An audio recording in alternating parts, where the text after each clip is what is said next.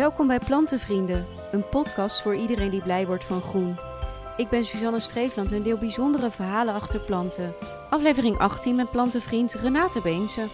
Je hebt heel veel planten, zie ik. Dus je bent echt een groenliefhebber. Ja, zeker, dat klopt. Ja, qua kleur en qua planten. En waar komt dat vandaan? Goeie vraag. Ja, ik heb me gewoon altijd wel goed gevoeld eh, bij de kleur groen en bij planten. Ik ben graag in het bos ook. Eh, ehm, ik haal daar energie uit. En je hebt ook iets bijzonders met één plant en dat is de ayahuasca. Ja, dat klopt. Ja. Wat is dat? Ayahuasca is een, eh, een mengsel eigenlijk van een, ehm, van een plant en van een liaan. En in de plant zit eh, DMT en in de liaan zitten mouwremmers. Ze noemen eigenlijk ayahuasca de slingerplant van de ziel. Eh, en dat komt dus door die DMT die erin zit. En waar staat DMT voor? Ja, dat moet ik dan even oplezen, want dat is nogal een moeilijk uh, woord. Dimethyl uh, tryptamine. En wat doet dat dan? Nou, DMT is een stof die je van nature zelf ook aanmaakt. Maar doordat je ook die mouw hebt in je um, maag, wordt het ook weer afgebroken. En DMT komt helemaal vrij op het moment dat je overlijdt. Um, dus het is eigenlijk een soort overgangsgevoel ja, van het loslaten van de ziel van het lichaam, zeg maar. Waarom zou je dat willen? Nou, omdat dat, omdat dat zeg maar inzichten kan geven in blokkades of angsten waar je in het dagelijks leven tegenaan loopt. Om weer even goed contact te maken met je ziel. Uh, omdat we gewoon in een wereld leven die heel erg ego gestuurd is. En uh, juist je ego kan er heel erg voor zorgen dat je vast komt te zitten in allerlei angsten en negatieve overtuigingen. Dat had je zelf ook? Zeker, ja. ja. En ayahuasca heeft me daar heel goed uh, bij geholpen. Het is niet allemaal weg hoor. Je bent ook niet egoloos, ho hoewel sommige mensen wel een soort ego-dood tussen aanhalingstekens kunnen ervaren.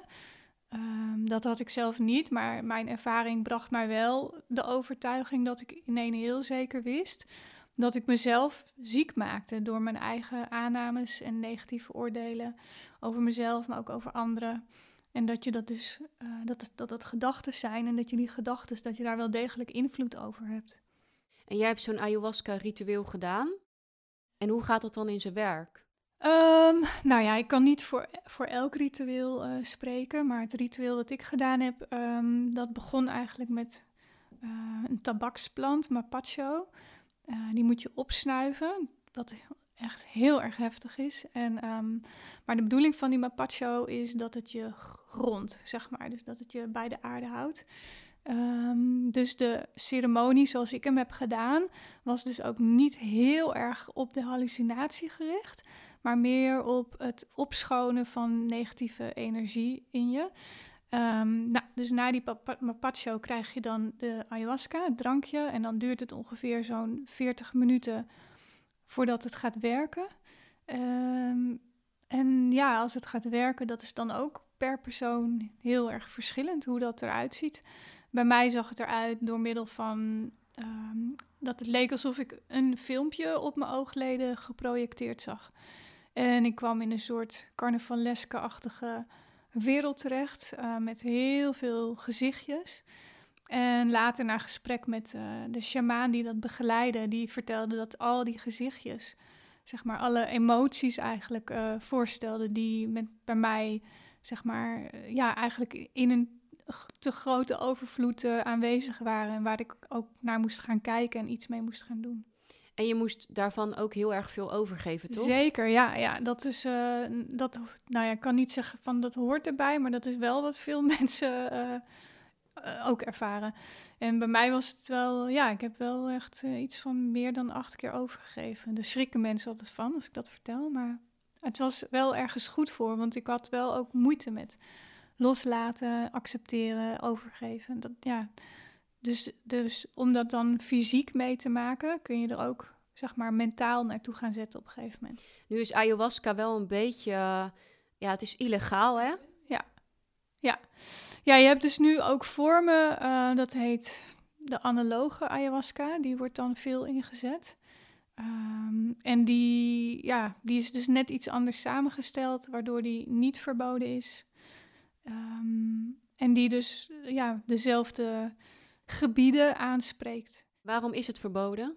Dat komt denk ik, ayahuasca is ehm, best wel een plantmedicijn waar je heel erg um, voorbereid mee om moet gaan.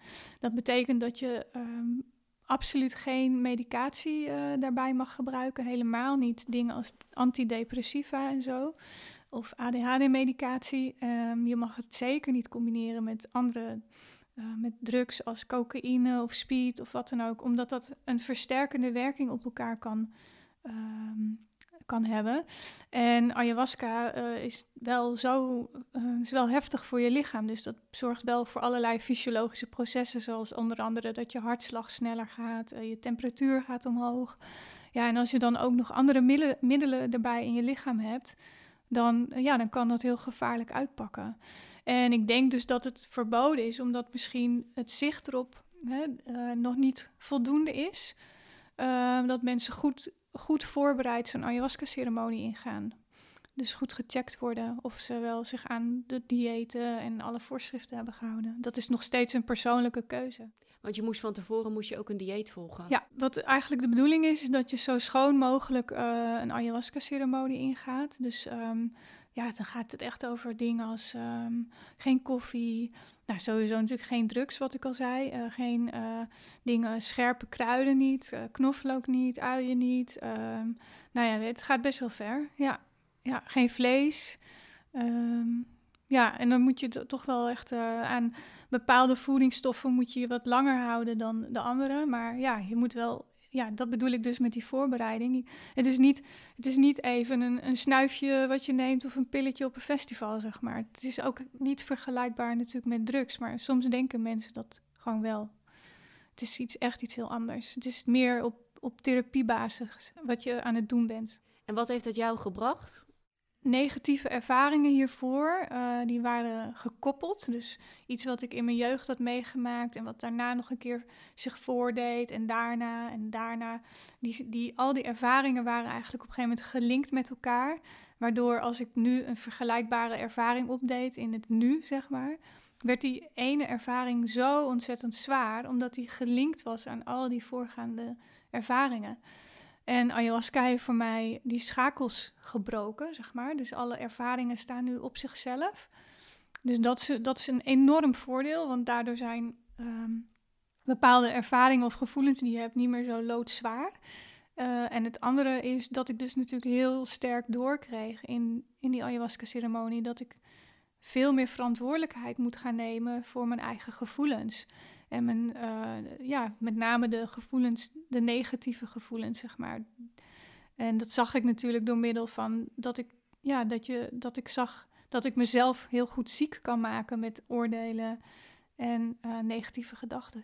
En eigenlijk is het dan zo, om het even zo te zeggen, stel je bent heel erg onzeker over iets. En dat had je ook al een keer in je jeugd zo ervaren, een bepaalde onzekerheid. Bijvoorbeeld, je had een tekening gemaakt en die vond iemand niet mooi en daar werd je dan heel erg onzeker van. En dan op je werk had je bijvoorbeeld een, uh, want je bent fotograaf, had je een foto gemaakt en die vond je opdrachtgever niet goed. Dan nam je eigenlijk dat ene vanuit je kindertijd, van een tekening bijvoorbeeld, ook nog steeds mee met die opdrachtgever, waardoor dat dan heel groot werd. Precies, ja, dat zo, zo moet je het inderdaad een beetje zien. Ja, en die schakels die zijn nu, uh, ja, het is gewoon niet meer geschakeld. En daardoor zit je ook beter in je vel. Zeker, ja. Ja, het is gewoon, want je, weet je, als mens, uh, ja, je gaat niet uh, door het leven op een roze wolk. Iedereen ont, ontmoet natuurlijk tegenslag in zijn leven en ook leuke dingen. En het is, en ja, het is een beetje aan jezelf um, welk perspectief je blijft kiezen en um, nou ja, dat je accepteert dat, dat hè, tegenslag ook erbij hoort natuurlijk. En dat je de, maar dat je er niet in hoeft te blijven hangen. Nou ja, dat soort dingen. En dat, kunnen, dat kan zeg maar op hoofdniveau, tenminste, hè, dat zijn dingen die je dan al langer hoort. Um, maar ik had zoiets als ayahuasca nodig om, daar, om dat echt in mijn lijf te gaan voelen, zeg maar. Dus dat je, um, ja, de connectie ziel, lichaam, um, ja, dat bracht voor mij meer de herkenning dan wanneer ik alleen in therapie daar op hoofdniveau zou over blijven praten, zeg maar. Ja, zeg ook wel eens dat ayahuasca is uh, tien jaar therapie in één avond. En dat snap ik wel, want het is gewoon echt een ander soorten, soortige vorm van, um, met dat soort gedachtegangen omgaan. Van het loskoppelen van emoties. Ja, ik snap het. En het komt uiteindelijk toch van Peru vandaan. Ja, uh, nou of dat Peru is exact, dat weet ik niet. Maar wel inderdaad Zuid-Amerika. Ja, en Amazonegebied. En daar weten ze natuurlijk al veel meer ervan. En daarom moet je dus ook met zo'n sjamaan wel als begeleiding weer doen. Wil je dit nu ervaren in Nederland? Ja, ja, ja, ja zeker. Dit moet je niet uh, in je eentje gaan doen. Want juist, het gaat ook juist om het therapeutische gedeelte ervan. Dus dat je gewoon um, zoiets doet onder begeleiding die er met iemand die er ervaren in is, die dus ook jou zeg maar door zo'n reis heen kan helpen. Um, degene die mij begeleiden heeft me daar ook echt bij geholpen, want um, dat, dat hele overgeven proces, het, het, zeg maar het mentale, maar ook het, vooral het fysieke uh, in dit geval. Um, ja, dat was maar niet gelukt zonder hem, laat ik het zo zeggen. Hij kwam dan iedere keer als ik blokkeerde erop, kwam hij erbij zitten. En stimuleerde hij mij meer weer om water te drinken. En dat bracht uiteindelijk het proces ook weer op gang. En daarmee raakte ik het ook kwijt. Dus ja, ja weet je, het, ja, het is ook wel een mooie gedachte, weet je. Je hebt altijd andere mensen nodig ook om te groeien en om, om ja, jezelf te verbeteren of te ontwikkelen, zeg maar.